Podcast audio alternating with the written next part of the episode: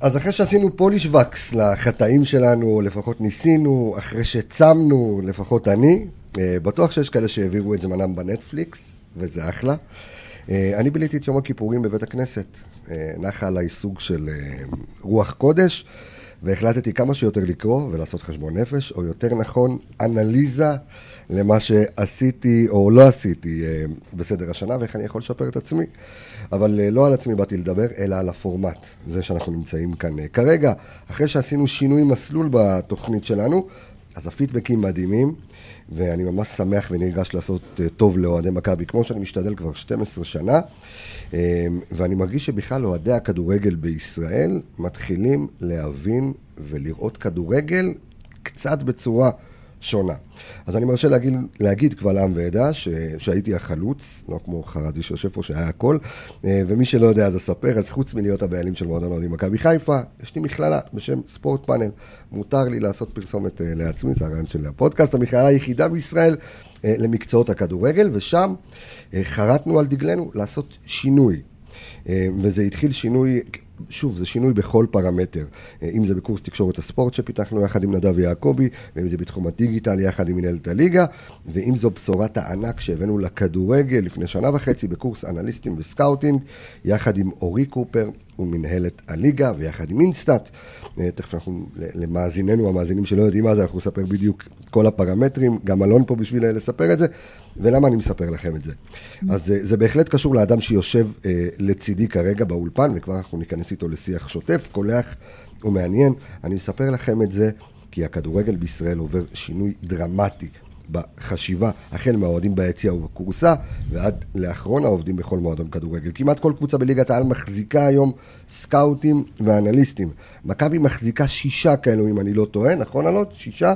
אמ, ארבעה בוגרים ועוד שניים בנוער, אנחנו נפרגן להם גם בשמות. אז עידן יונה הוא אנליסט וידאו, יש לנו את מאור בוג ואת יזהר קישון וגל שטרנברג, ובנוער יש לנו את גל אבידן וירדן לזרוביץ', אם שכחנו מישהו, אני מצטער. בקיצור, מהפכה. אז האנליסטים כבר באולפן, אלון חרזי, מספר שלוש האגדי, אה, מחוייך. אנחנו מתחילים חתימה טובה.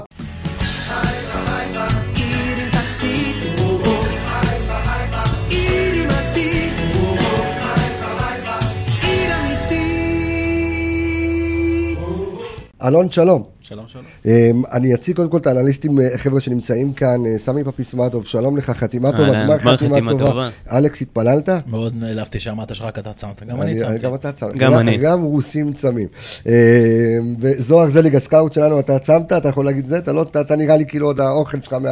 צמתי, צמתי. צמת, כל הכבוד. ולירון אה, איפרגן שנמצא כאן איתנו. אלון, אתה יודע, הודענו אה, לכל האוהדים שאתה מגיע אה, לתוכנית, לתוכנית האנליסטים. השאלה הראשונה והמתבקשת, מה התפקיד שלך? תגדיר לנו אותו. התפקיד שלי הוא סקאוט ראשי של מועדון כדורגל מכבי חיפה. אוקיי. אה, שבו אה, אני אמור להיות אחראי על כל האיסוף מידע, אה, סינון ובוא נגיד הצגה של שחקנים המועדים הטובים ביותר בשביל המאמן, בשביל הבעלים. אוקיי, מה, scout זה על איתור שחקנים, אנחנו לא מדברים... רק, או, לא או, רק, לא אז, רק, אז, לא אתה, אז, אז שוב, אז אם נגדיר את זה נכון יותר, אתה מנהל מחלקת אנליזה ו scout. זאת אומרת, אתה ראש מערך של כל, של כל הדבר הזה? כן, אני ראש מערך ה scouting, אה, scout ראשי, יש כאלה קוראים לי chief scout, אבל... אז, אבל... אני, אז אני אגיד לך שמרקו, דיברתי עם מרקו, ממש אחרי שהוא מונה, והייתה לנו שיחת טלפון, והוא אומר לי, תקשיב, קבס, אני מחפש chief scout. אני, יש מישהו שאני רוצה לשים עליו אמרתי לכם להוריד את הרטט. אמ, והנה, והנה אתה הגעת. אז אמ, שוב, ההגדרת תפקיד, כאילו, ביום-יום. תראה, ביום-יום אה, אנחנו צריכים לחלק את זה אה, לתקופות. כלומר, יש תמיד את התקופה של אה, ההכנה לקראת הקיץ, של מועד העברות. יש לנו מהקיץ, מסיום מועד העברות של הקיץ, ההכנה למועד העברות של החורף, okay. אוקיי. של, ינואר. ובין לבין יש לנו את ההכנה של הקבוצה לקראת היריבות הבאות. זה למעשה כל מערך ה scouting כרגע של הקבוצה הבוגרת. כמובן, יש גם את המערך ה scouting של אה, הקבוצה, של אה, מחלקת הנוער, כמו שאמרת, אבל הוא יחידה כביכול נפרדת, נפרדת. כי, כי הפרמטרים והדברים ש, שאמורים במחלקת הנוער הם שונים לגמרי. זה יושב תחת הספרדי? זה כרגע יושב תחת הספרדי, אבל uh, uh, בגלל נכנסתי לתפקיד רק בינואר אה, הקודם, כן. אז לקח לנו זמן קודם כל לייצב את אה, המחלקה הבוגרת יותר, ובהמשך אה, כמובן אה, להטמיע את הכל גם במחלקת הנוער. כן, אלכס, יש לך... לא, כן, ממה ש- ממה שנאמר פה, יש פה, אני חושב שבאמת אנשים, כמו שאמרת, כשהם שומעים scout, הם שומעים שחקנים. אבל scout זה לא רק השחקנים, אלא גם scout מבחינת הקבוצה שמולה אתה עומד לשחק. כן. זאת נכון. אומרת, כל מערך ההיסטוריה של המשחק, סגנון המשחק שלהם, המערכים, כל בעצם ההכנה. זה בעיניי, אם אני מסתכל על זה, זה תפקיד הרבה יותר כבד מאשר, אמ, כי אתה יודע, שחקנים לצורך המקרה נסגר, נסגר חלון העברות, אבל יריבות באות כל שבוע, אה, אירופה, אה, בליגה שלנו, וזה כל הזמן עבודה מתמדת. זאת אומרת, מה שאנחנו עושים פה, במה, בצורה שבה אנחנו מנתחים קבוצות, או, או מכינים כביכול את הצופים שלנו, את המאזינים שלנו, סליחה, למשחק הבא, זה כאין וכאפס לעומת לא, האנליזות שהם עוברים שם. ברור שהדוחות, אה, אתה יודע, ש- שנאספים ונערמים מדי יום, אם זה באימונים, אם זה ב- ב- בכל מקום, אבל שוב, זאת אומרת, דרך אגב, רק אני אוסיף ואומר, כן. עכשיו דיברת על האימונים, אז ככה פרח מזיכרוני. אנחנו גם מנתחים בכל אימון את האימון שהיה בווידאו. כלומר, זה לא, עוד פעם, הדברים האלה, ככל שאתה נכנס יותר לעומק, יש הרבה הרבה רבדים שאולי לא מדברים לאף אחד מבחינת המילה אה, לעשות scouting. נכון. בסדר? אז אה, דברים שאתה רואה באימון בתור מאמן, לפעמים אתה לא רואה אותם מהמצלמה שיושבת למעלה. אה, המצלמה מצלמת אה, 180 מעלות, כלומר, אתה רואה למעשה דברים, אם המאמן נמצא בצד אחד, ודברים, אה, יש תרגול בצד השני, לפעמים הקבוצה מחולקת לשני חלקים. לפעמים שהמאמן, אפילו שני המאמנים בשני הצדדים, אם זה אה, מרקו ואם זה פול, ולפעמים גם גל אלברמן ש, שנמצא ב, ב, בדברים האלה. אה, לפעמים הם שמים דגש על כיוון אחד, ומישהו מאחוריהם קצת אה, מחפף, קצת לא עושה טוב, קצת... אתה רואה את הכל.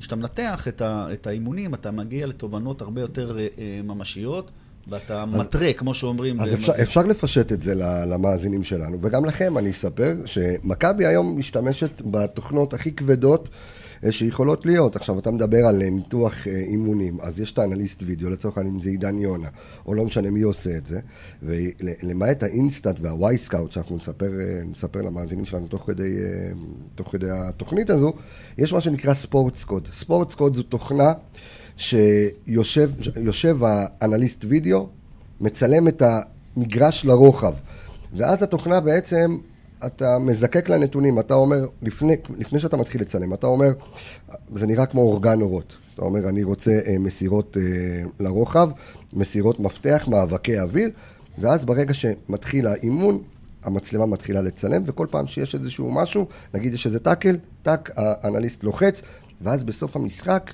זה מגיע, נכון, דוח על פי פרמטרים. זאת אומרת, אם מרקו עכשיו בא ואומר לאנליסט וידאו, אני רוצה לדעת מה, כמה היו מאבקי האוויר של חבשי, תוציא לי אותם, הוא ב... נגיעה. בנגיעה, מוציא לו את הדוח. יש לי שאלה דווקא עכשיו שאמרת את זה. אוקיי. אמ, אני מבין שהדבר, שכל הנתונים האלה חשופים כמובן לצוות האימון ובוא נקרא לזה להנהלה של הקבוצה. האם השחקנים מקבלים את בוודאי. כל הדברים האלה ויש ישיבה, אני פשוט זוכר מתח- בתחילת העונה עשו במקרה איזשהו spotlight באחד הערוצים על יובל אשכנזי ויש לו את המחברת המפורסמת שהוא רושם בה, ממש הוא יושב אחרי זה, הוא מחזיק אנליסט אישי דרך אגב, הוא מחזיק נכון. מישהו כאילו ב... ב- הוא הוא גם בעצמו מנתח את עצמו, נכון. הוא ממש רואה את המהלכים, הוא אומר, פה הייתי צריך למסור, וממש כאילו, הוא, הוא זוקף את הדבר הזה, את, את, את השיטה הזאת שלו, את, ה, את הלימוד העצמי שלו לה- להצלחה שלו בקריירה. אז אותי מעניין לדעת, אחרי כזה אימון, אם השחקנים באמת, שמקבלים את זה, הם, הם יושבים ומסתכלים על עצמם, אתה יודע, איך, ה- איך זה עובד, אלון? תראה, למעשה בכל אימון ואימון שאנחנו מנתחים, אם זה באימון ואם זה במשחק, כמו שאנחנו אומרים, יש, בוא נקרא לזה שחקנים רעבים יותר ורעבים פחות. כן. ל- לדעת אה, כל מיני פרטים על מה היה בסדר, מה לא. יש כאלה שמרגישים שהם היו בסדר. בת- לא באים... בתחושה, זה לא מעניין כן, אותם. ברגישה, ולפעמים אומרים, הייתי בסדר, לא מעניין אותי. ויש כאלה, כמו שיובל, יובל למעשה, הוא כל הזמן רעב ללמידה. כל פעם שהוא אפילו רואה שהוא, היה, שהוא מרגיש שהוא היה טוב, הוא מחפש מה, מה היה לא טוב כדי... אה, לשפר. לשפר. אני לא, אני אמרתי, הזכרתם את יובל, אז הזכרתי אותו, אני לא אגיד שלא, כל השחקנים לא מגיעים, ההפך, הרבה שחקנים מגיעים. אני דולב יש- גם אמר לי שיש לו אנליסט אישי. זה, עוד- זה עוד לא, שם- אין לו, שאלתי אותו. לא, דולב אבל זה גם עוד אחד שבאמת אוהב אה, אה, ללמוד ולדעת. יש לנו כמה שחקנים שבאמת באופן שיטתי, אחרי המשחק, רעבים וצמאים למידע. אנחנו אחרי המשחק, אה, יום אחרי המשחק, נותנים לכל אחד את הניתוח האישי שלו, לפי הפרמטרים שאנחנו חושבים שהם צריכים לשפר, איפה הם היו בתחילת העונה, איפה היו בעונה שעברה, מבחינת המדדים שלהם, לאן הם צריכים להגיע. כמובן, אנחנו לא נותנים להם אה, מעכשיו לעכשיו להגיע למדדים האלה, אנחנו רוצים לראות איזו עלייה בגרף, איזו עליית מדרגה מסוימת, וככל שהשחקנים האלה רואים ולומדים את הטעויות שלהם, הם אה, פשוט אה, צמאים לעוד ועוד. שזה אפשר? אגב, סליחה שאני... זה זה אגב נקודה מאוד מאוד מעניינת, שאנחנו במקרה, במקרה דיברנו על שני שחקנים, שהם שני שחקנים שהגיעו כרכש, רכש, אה, ורכש מאוד מעניין שהוא מהווה איזשהו שינוי בסוג הרכש שמכבי חיפה מביאה, זאת אומרת יובל אשכנזי ודולב חזיזה העונה, זה שינוי בקונספציה, בפילוסופיה של הרכש, ואנחנו במקרה ספציפי מדברים על שניהם כאנשים שמאוד מאוד צמאים, זה אולי חלק ממה שאנחנו תמיד מדברים עליהם, על, ה, על הצ'יפ הזה שיושב עליהם על הכתף, כל פעם לבוא ולהוכיח, כל פעם לבוא ולהוכיח. זה גם מה שהוכיח, זה גם מה שהביא אותם כנראה למכבי חיפה בסופו של דבר. תראה, ברגע שהתעסקנו ב scouting, הרי ה scouting, כמו שאמרנו, זה כן. חיפוש ואיתור שחקנים. אז יש כאלה שחושבים שזה רק שחקנים זרים, אז יש גם שחקנים ישראלים, מה נכון. לעשות, אה, שהם הבסיס היותר גדול אה, של הקבוצה. אה, כשאתה מחפש שחקנים, לפעמים יש שחקנים, אנשים בחוץ אומרים, מה, מה הבאתם לנו? כאילו, למה, כאילו, למה רכש כזה? כאילו, הם לא נוצצים, הם כן, לא... הם לא... בני יהודה. כן, בני יהודה, יכלנו למצוא בקבוצות. גדולות. המטרה של מחלקת ה scouting זה למצוא את השחקנים הכי מתאימים לפי הפרמטרים של המועדון, לפי הפרמטרים של המאמן הנוכחי, שזה מה שהוא מחפש, לפי הצורך של הקבוצה מבחינת סטטיסטית, שהיה חסר לה בשנים האחרונות. ואין ספק שדולב ויובל הם שניים שאולי לא נוצצים, השמות שלהם לא נוצצים, כן. אבל הם שחקנים שהביאו רעב למכבי חיפה. הם שחקנים שבמחשבה עליהם, אמרנו, הם ידביקו את האחרים. כי יש להם פרמטרים ש... בוא נגיד, הש- השחקנים בשנה, שנתיים האחרונות, אה, או התלכיד הקבוצתי, היה חסר לו משהו כדי... זה ה upgrade. זה, זה ה upgrade שלנו. עוד פעם, זה לא, יש כאלה שיגידו, זה לא נוצץ, אבל הם, מבחינת יעילות, היעילות היא פנטסטית. אז שוב, אני, אני חוזר לשיחה של ינקלה, שאמר לי, כשהוא היה במחנה אימונים, הוא אמר לי, תקשיב, השנה יש לנו שחקנים שעובדים. זה, זה, זה ככה הוא אמר, השחקנים שלנו עובדים. עכשיו, אתה, כאנליסט הרשמי שלנו עם תעודה, בדיוק. אני רוצה לדעת על, על הפרמטרים של חזיזה ושל אשכנזי, כי חזיזה, אני חושב שהביא... אז בוא, אני אקשר בדיוק למה שאתה אומר. מוביל קודם להם את הקבוצה אגב, דיברנו על זה לפני נס ציונה. שמה הוא? שהוא מוביל את הקבוצה במסירות מפתח. ו- ובדריבלים, אה, משהו נגעת מקודם על פרמטרים אישיים, סתם משהו שדיברנו עליו בהתחלה, ואני בינתיים רואה שחזיזה משפר מאוד, זה האחוז של הדריבלים, שנה שעברה היה לו בערך פחות מ-50% בבני יהודה, הוא גם היה עושה לא כזה הרבה פר משחק, 3-4 דריבלים, השנה הוא עושה לדעתי לפחות כפול, עם אחוזים שנושקים ל-60%. אה, אז קודם כל אני אשמח לדעת אם זה פרמטר שספציפית איתו עבדתם על זה, על הנושא של הדריבל, ימין, שמאל, דברים תראה, כאלה. קודם, קודם כל, אה, ההבדל אולי המהותי ביותר מהשנה שעברה, שהוא היה בבני יהודה, לשנה הזאת, סגנון שהוא משחק. בקבוצה הרבה יותר דומיננטית, קבוצה נכון. ששולטת יותר, ומן הסתם החזקת הכדור שלנו היא הרבה נכון, יותר גדולה ויותר מאחרות, צפיפות. ולכן, ולכן האחוזים שלו עלו. אני מסתכל על הדריבלים ביותר עניין של יעילות. יש דריבלים שהם לא יעילים נכון, בכלל, נכון. שמביאים לאיבודי כדור, ולכן אנחנו צריכים לדעת איפה והיכן אה, ומתי לעשות את הדריבל.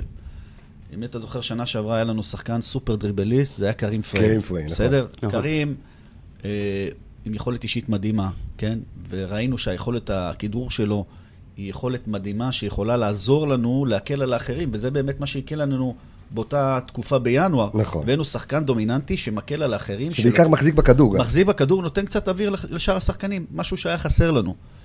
אה, דולב עושה את זה אה, בצורה טובה, הוא עשה איזה upgrade השנה, נכון.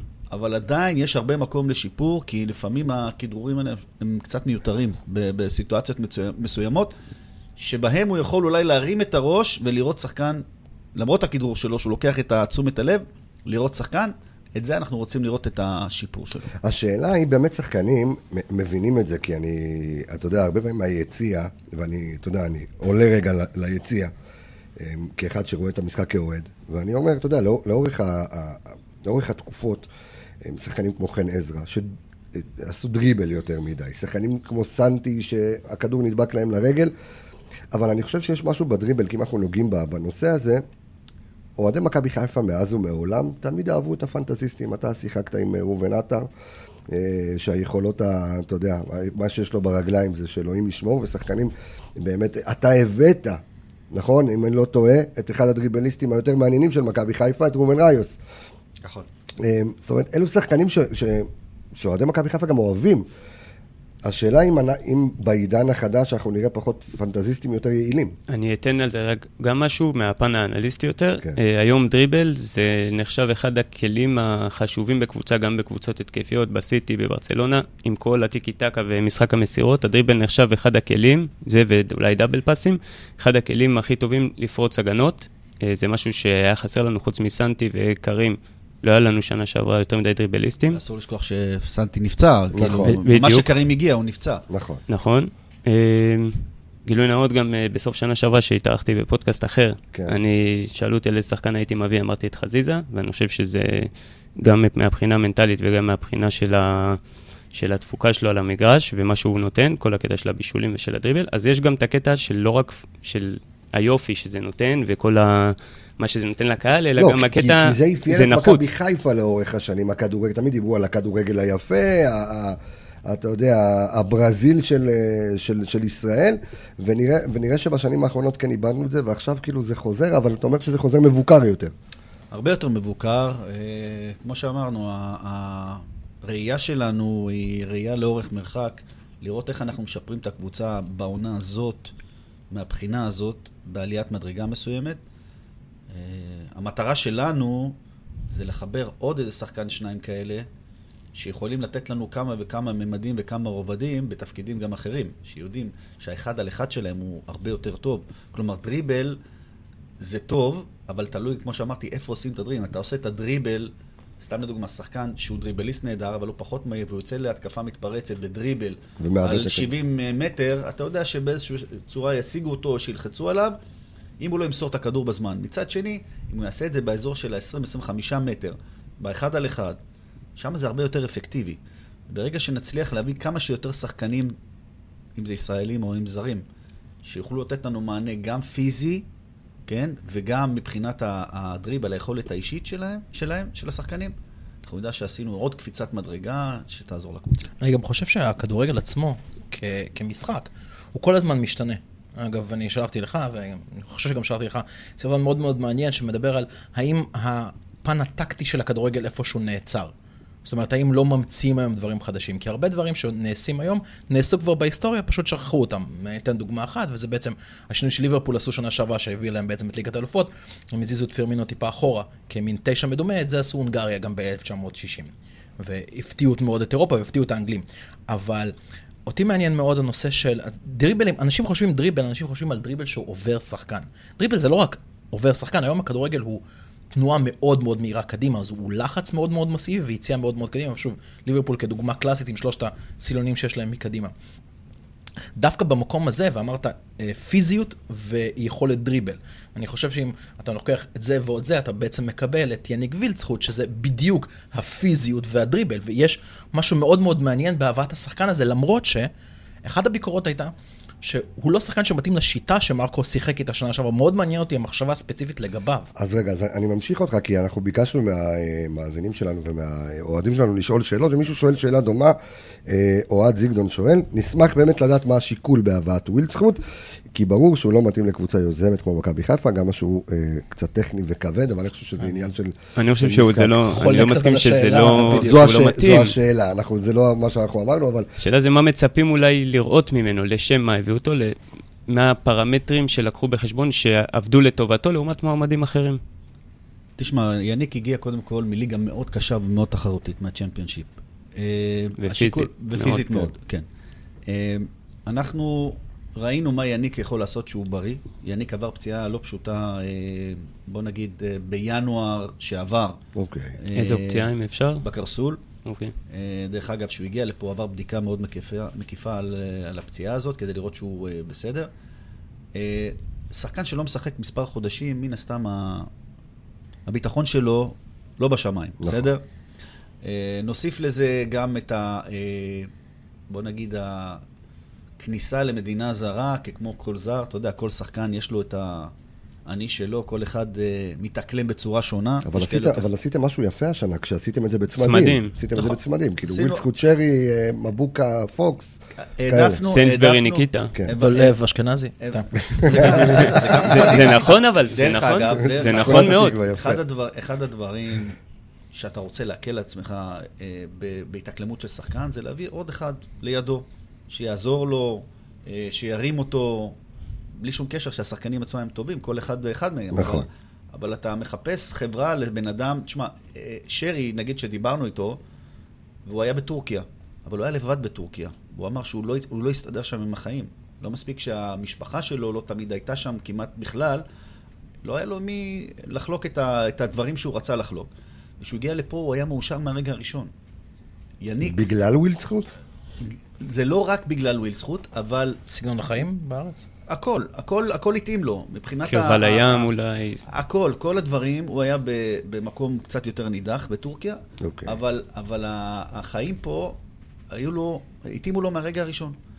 גם מבחינת החברה וגם מבחינת מהות החיים וסגנון החיים, ועובדה שהמשפחה שלו, להבדיל מטורקיה וסין, שהיה לפני זה שלא באו, באו לגור פה, והם נהנים פה וואלה. מכל רגע, כן. ויש לי שאלה, איזה כיף. האם בעקבות ההצלחה הזו, אני אישית, לפחות מפרסומים, אמרו ש...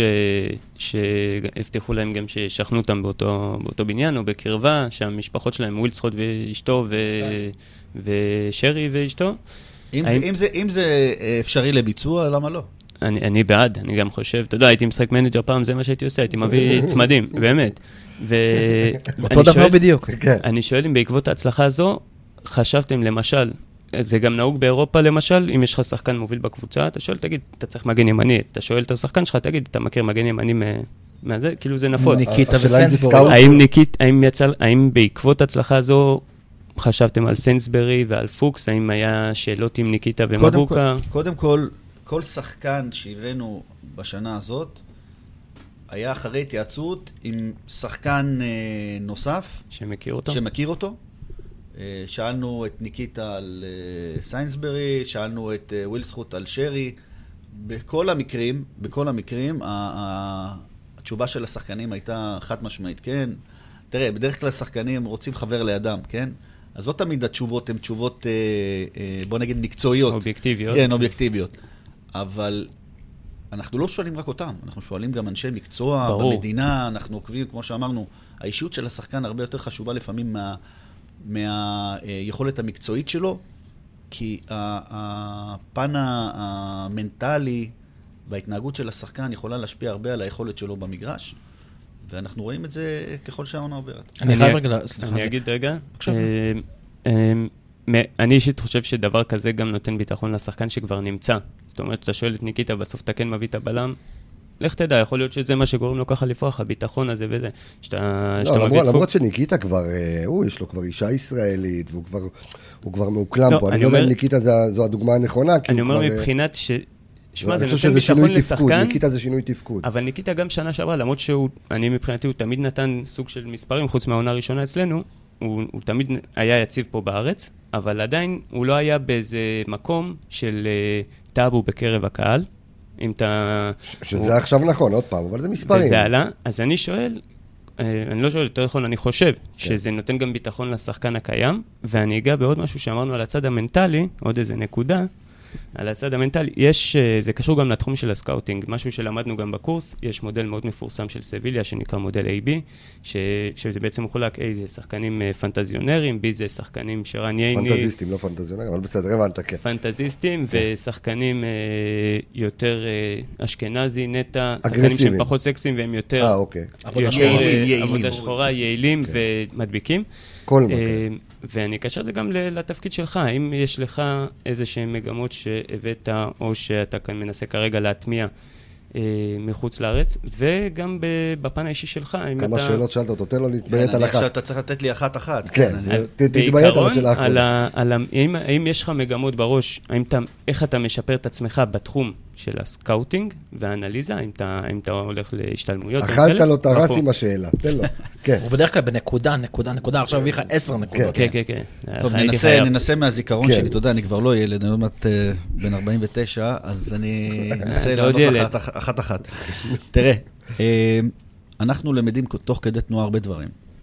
אה, אנחנו עושים השתלמויות. כל אחד מהאנשים שבמערך הסקאוטינג שהזכרת, כל אחד ואחד, כולל עידן, כולל גל וכל האחרים מסביב, כולם יוצאים להשתלמויות. שנה שעברה זה היה בווסטהאם, אם אני לא טועה, היו, הייתה, הייתה השתלמות שלכם, עוד קובי מיכאלי שעבר בינתיים לויטסה, עשה השתלמות ב, אז, אז כל, בווסטהאם. כל אחד ואחד, המערכת עצמה נותנת לנו את כל הכלים בשביל אה, לבוא ולהיות טובים יותר. אנחנו למדים ממערכות אה, גדולות יותר ממכבי חיפה, אבל אני לא אצא למשל להשתלמות במועדון שיש לו 50-70 סקאוטים, ויש לו תקציב בלתי נדלה, ויש לו כסף כמו חול, כי זה לא אנחנו. זה לא רלוונטי. לא רלוונטי. כלומר, היום, סתם לדוגמה, קח את סיטי כזה. יש לה מאגר, יש לה כסף בערימות. קח את אה, פריס סן ג'רמן, יש לה כסף בערימות. זה לא, סקאוטינג. אמיתי, זה לא סקאוטינג אמיתי מה שעושים שם. כי שם כל שם ש, ש, של יביאו. כוכב, ישר... הוא איפשהו. ישר יוצא אליהם, או רוצה להגיע אליהם, ככה שהדברים הם פחות סקאוטינג מבחינ, מבחינתי. אני אלך למועדונים שיש בהם חמישה-שישה סקאוטים, אני אלך למועדונים שאני יודע שה budget שלהם אה, הוא פחות או יותר מוגבל יחסית. מוגבל יחסית, שהוא לא מאריות הכדורגל. נכון שאנחנו ב- בישראל, אנחנו אה, המועדון אולי הכי גדול אה, בישראל, אבל עדיין היכולות שלנו עם כל הרצון הן די מוגבלות, אין מה לעשות. ואנחנו מנסים למצוא באמת את השחקנים, ה- את הסקאוטינג האמיתי הוא למצוא את השחקנים מתחת לרדאר. מתחת לרדאר, שחקנים, בוא נגיד שהתועלת שלהם מול העלות שלהם היא הכי טובה למכבי חיפה. אז אני מאוד מאוד שמח שאמרת את זה, כי זה בדיוק אחד הדברים שרציתי לשאול לפני ש... פרקטי, ש- הכי פרקטי למכבי. בדיוק, בדיוק אמרנו, בוא נשמור את השאלה הזאת לתוך, ה- לשידור, אבל אין ספק שהשנה הפילוסופיה של הסקאוטינג במכבי חיפה השתנתה. אם אני לוקח טיפה אחורה, וגם קבוצות אחרות בליגה יש את הסגנון סקאוטינג או סגנון רכש השחקנים, שמביאים שחקנים שהם צעירים, שהם פוטנציאלים, שהם עתידים להתפוצץ. אה, וכמה שמות עולים, דיברנו עליהם, לאריקה יהודה, קנגאווה, וואקמה, הוגו. אמרת משהו שאם אני מביא שחקן שהמספרים שלו הם לא סקסיים, הקהל כאילו, וזאת נקודה מאוד מאוד מעניינת, כי אם אני כאיש תקשורת, עכשיו צריך לבוא ולסקר שם שמועמד למכבי חיפה, ואני מסתכל על הנתונים שלו, ואני רואה נתונים של טוני וואקמה לצורך המקרה. הנתונים לא מזהירים לפני שהוא הגיע לרעננה, וזה, אני אומר את זה בצורה עדינה מאוד. נכון. הוא לא היה בקבוצו, הוא כלום. והקהל ישר, מה זה השחקן הזה שמביאים? מצד שני, ככה אתה מפסיד שחקן כמו טוני נוואקמה. ומכבי חיפה היו עושים את זה. יעקובו, שהגיע בגיל 19-18, ואז... 17, הוא- 17. 17. ואז הוא שאל לכפר סבא, וכבש אגב נגדנו ב- נכון. באיזה משחק. אמ, לאחר מכן, בשנתיים שלוש האחרונות היה לנו סגנון אחר לגמרי. שחקנים שהם שחקנים מאוד מאוד טובים, אבל נמצאים בירידה. אה, קלאוס. אמ, קרמר, אמרת. קרמר, אה, ריינן, שהם שחקנים שהיה להם, אתה יודע, קלאוס, קאיו- קלאוס, לא, קאיו ספציפית הגיע ב- כביכול ב- ב- בשיא, אחרי ארבע עונות של דו נכון, ספרתי. בדיוק, אבל נכון, קלאוס נכון. למשל זה שחקן שבליגה היוונית הפציץ, ועונה לפני שהוא הגיע למכבי חיפה הוא לא עשה, הוא לא כבש שער אחד. מה השאלה? השנה זה השתנה עוד פעם, ומביאים שחקנים שהם, אתה יודע, שרי ווילסון, שחקנים שלא היו מגיעים לפה אם הם נמצאים בכושר. אה, תקשיב, אני אחדד, הם- רגע. אני- צריך לעשות להם קורס באיך לזקק שאלות. ת- תן לי לשאול את השאלות שלי, בסדר? שעה שאלת שאלה, כן. עוד לא, אותי, באמת מעניין הפילוסופיה של הרכש. ולפילוסופיה הזאת יש גם אה, פן תקשורתי מאוד, כי, כי הקהל מסתכל על זה, ו, ותמיד, אתה יודע, שומע את המהומות ואת הדברים, ולא מביאים רכש, וכן מביאים רכש, ומה הרכש שמביאים, והקבוצות האחרות שמביאות רכש. מאוד מעניין אותי לראות איך דווקא ה, אתה בתפקיד שלך, ובכלל כל המערכת שנמצאת מתחתיך, מסתכלת על זה. מסתכלת על, על ה-DNA הזה של להביא שחקנים, איך, מאיפה זה מגיע. תראה, כשאתה מחפש שחקנים, אז אין ספק שיש כמה סוגים של שחקנים שאתה מחפש, חלקם צעירים עם פוטנציאל, שיכולים לפרוץ ויכולים גם לא. שאלה כמה סבלנות יש לאותם צעירים. הבאנו... מדבר על אוטין. הבאנו סוג את, של. את אוטין, שהוא קפטן נבחרת ניגריה הצעירה. הבאנו את פוקס, שהוא שחקן מאוד מאוד מבטיח, שחקן ששיחק בנבחרת צרפת, שייך לסגל של נבחרת קמרון הבוגרת, אה, שהוא עדיין לפני הפריצה, ושייך לאלווס, בוא נשכח, אסור לשכוח, הוא שייך לאלווס, הוא נקנה ב-2.5 מיליון לפני פחות נכון. משנה. אה, יש לנו איזה סוג של אופציה עליו. זה לא אומר שזה יצליח עכשיו, מי שזוכר את אדריאן סילבה בזמנו, נכון. זה יכול להיות כמו אדריאן סילבה, זה יכול להיות הרבה יותר טוב, זה לא, יכול אבל להיות פחות סילבה טוב. הגיע לשנה, אם אני לא טועה. הוא הגיע, הייתה. למכבי חיפה את האופציה אוקיי. בתקופה ההיא עדיין לשים עליו את היד.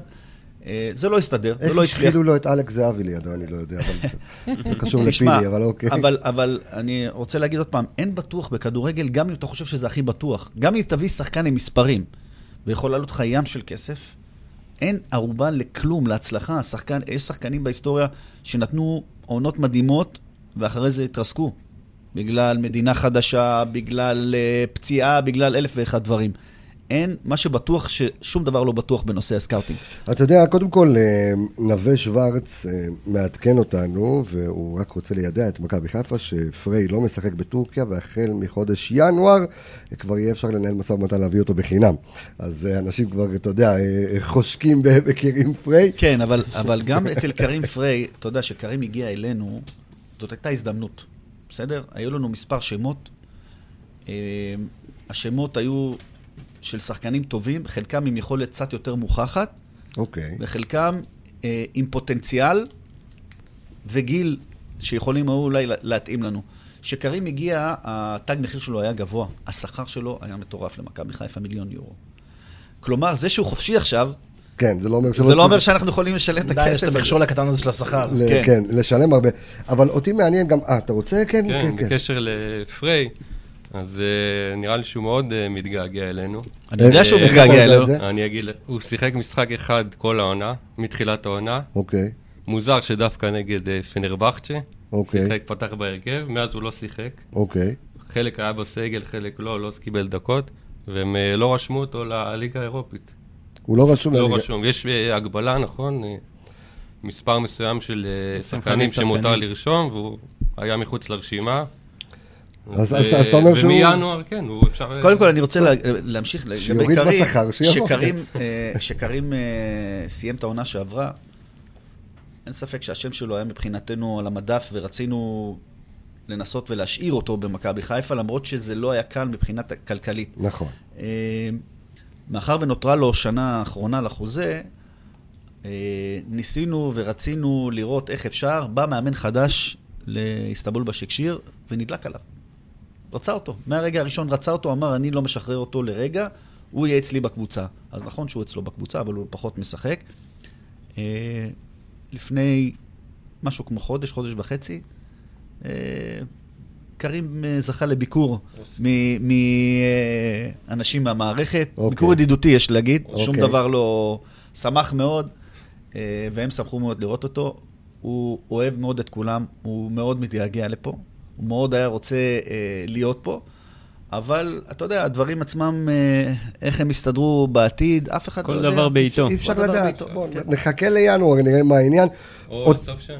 או לסוף שנה. בוא נראה אם לא יהיו קופצים כן, על המדף. כן, כי אתה יודע, השנה האחרונה של חוזה, בעצם החוק האירופי אומר ששישה חודשים לסוף חוזה, אתה בעצם יכול לפנות לשחקן, נכון. מה שנקרא approach to sign, אתה יכול לפנות לשחקן ובעצם אתה, תקן אותי אם אני טועה, אתה צריך להודיע לקבוצה, אתה לא צריך להודיע לקבוצה, אתה, שלא, תראה, אתה לא מחויב. יש אבל, יש את ההסכם הכתוב ואת ההסכם הלא כתוב, כן. בסדר, אנחנו... מקורבים. מי שמכיר את ינקלה, לא, זה לא הטיפוס. ינקלה אוהב לעשות את הדברים ישר, הוא לא אוהב לעשות מאחורי הגב, ואני יכול להגיד לכם ששחקנים אפילו שהיו אה, יכולים לנהל משא ומתן עם מכבי חיפה, ומכבי חיפה יכולה לנהל איתם משא ומתן, אבל ינקלה, מבחינת הדרך שלו, לא רצה לעשות את זה מאחורי הקלעים, ו- ולא הגיעו, ולא הגיעו. כי זה ינקלה, ינקלה לא מוכן לעשות שום דבר בהחבא ומאחורי הגב, והדרך שלו תמיד הייתה זאת שהובילה אותו, וברוך השם, לאורך כל השנים, ברוך השם. טפו טפו טפו. רגע, ניתן שאלה על ינקי. על ינקי, ינקי. אחר כך תעשה שאלה על ינקי. אמ, אני רוצה להבין, עכשיו, אתה נמצא במערכת, אה, כ, כמו שאמרת מקודם, chief scout. השאלה אם אתה, אתה נמצא שם מבחינה מערכתית, או שאתה נמצא שם מבחינת בלבול. תנסה לחשוב מה השאלה. אני נמצא, קודם כל אני נמצא שם ביום-יום. ברור. בסדר? אה, העבודה שלי, כמו שאמרתי, מחולקת לכמה רבדים. אה, ביום-יום אני עם אינטראקציה קבועה עם מרקו ועם שאר הצוות. אה, מי ש... אתה היית בכפר גלים, אתה יודע איפה נכון. החדר שלי נמצא, החדר נכון. שלי גם... אה, הוא גם מעבר לקראת החדר אספות של, ה, של השחקנים, כלומר גם אני וגם השחקנים נמצאים באינטראקציה יומיומית. השאלות והצורך של מרקו אה, במידע על שחקנים, על קבוצות, על יריבות, הוא משהו ש, שביום-יום צריך אה, לדבר עליו, כדי לדעת אבל מה החוזקות, מה החולשות. אתה מונחה, את- זאת אומרת, אתה כיום מונחה מרקו. זאת אומרת, או שיש איזושהי עבודה שהיא, אתה יודע, שאמורים לעשות אותה במכבי, נקודה, או שאת... יש, יש מועדון, יש את ההשקפה של המועדון, ואת החזון של המועדון, ואת הרצונות של המועדון, כמו שאמרתי בהתחלה, ויש את הרצון של המאמן. אני צריך להביא את שני הרבדים האלה כי אני מנסה לאחד. להבין, אני, אני מנסה להבין, כי כבר היית במקום הזה. זאת אומרת, אז אני מנסה להבין למה אתה הלכת באמצע. דרך אגב, מה ההבדל בין הקדנציה הקודמת שלך שהיית סקאוט לבין עכשיו chief scout? האם יש הבדל? אז, אז, ו- ואותי... לא, אני, אני אתקן אותך, הייתי גם chief scout בפעם הקודמת. אוקיי. אז הוא היה chief scout, אבל, ופה אבל הגדול, כן. הייתי בן אדם אחד במערכת. אני עבדתי לבד. לא, לי, לא הייתה לי עזרה בשום דבר, לא היו לי סקאוטים מתחתיי. ממש אה, בן אדם, אתה לבד, אתה לבד, לבד, לבד. הייתי לבד. אתה על התוכנה, על ה InStat, על ה... לבד, לא לבד. לא לא, לא. הייתה אולי תוכנה אחת שעבדה באותו זמן, I am Scouting, אם אני לא טועה, נכון. אוקיי. שחברנו אורי קופר, נכון. אה, עבדנו דרך אגב ב- בשיתוף פעולה מאוד מאוד, נכון. אה, זאת הייתה ההתחלה שלו. הכניס אותו, הכניס אותה. כן, זה, היה- דרך אגב, אם אני לא טועה, זו, זו הייתה מערכת שהייתה שייכת לפיני זהבי, נכון. בפיתוח כלשהו. הוא עבד, אורי קופר, אה, שהוא גם המנהל המקצועי של בגרמניה, הקורס שלנו, לא, הוא עבד באנגליה אצל פיני זהבי שלוש שנים, וזו החברה של פיני זהבי, I am Scouting, ככה עבדו. לא היה InStat, לא היה Wyscout, ויש היום עוד מלא מלא תוכנות, זה היה ממש... אה, הייתה הסנונית הראשונה, נכון. אה, שרק אה, אה, לפיה אה, הצלחנו אה, פחות או יותר לראות משחקים אחרים, יכולות אולי בצורה כזו או אחרת. דרך אגב, אז היו שישה פרמטרים בלבד לבחון שחקן.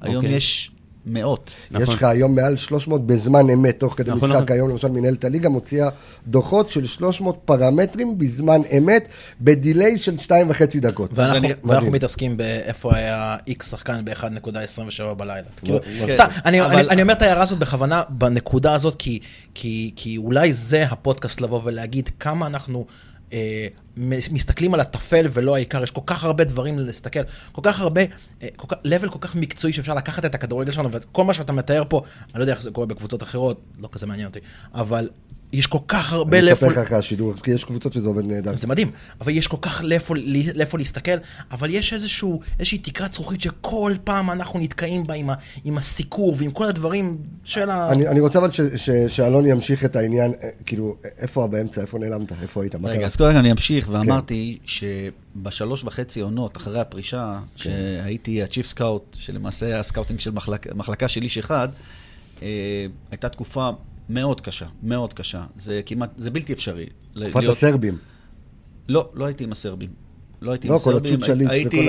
אה, אתה מדבר מבחינת השחקנים. השחקנים, כן. אה, גם, גם. אין ספק אבל שגם אני תוך כדי תנועה אה, למדתי. התחלתי, כלומר, מכלום, נזרקתי אה, פנימה והתחלתי להניע את, ה- את הגלגלים. מעניין אותי לגבי זה, אם, אם זה במקרה שאתה כבר פעמיים בשתי קדנציות כסקאוט, אה, כאילו, האם שפרשת זה הדבר ש- שהכי משך אותך, או זו אופציה שצצה? תראה, אה, כמו שהוא אמר, אה, עשיתי התמחות בנושא תוך נכון. כדי תנועה. ולמדתי... לקראת של... בשלהי הקריירה כשחקן? גם לקראת שלהי הקריירה וגם בתחילת הימים הראשונים שלאחר הפרישה.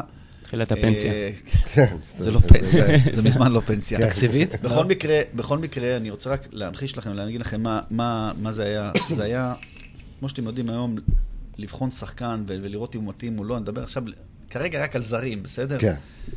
אה, ולדעת מה הפרמטרים, צריך לראות הרבה משחקים. רק, רק לראות אם זה מתאים או לא. כמובן שאתה יכול ב... בוא נגיד בחצי שעה, שעה הראשונה להבין אם זה זה או לא זה. נכון. ואחר כך כשאתה מתחיל להיכנס, אז אתה מקבל איזה תובנות מסוימות של... אתה צריך לראות משחקים שלמים.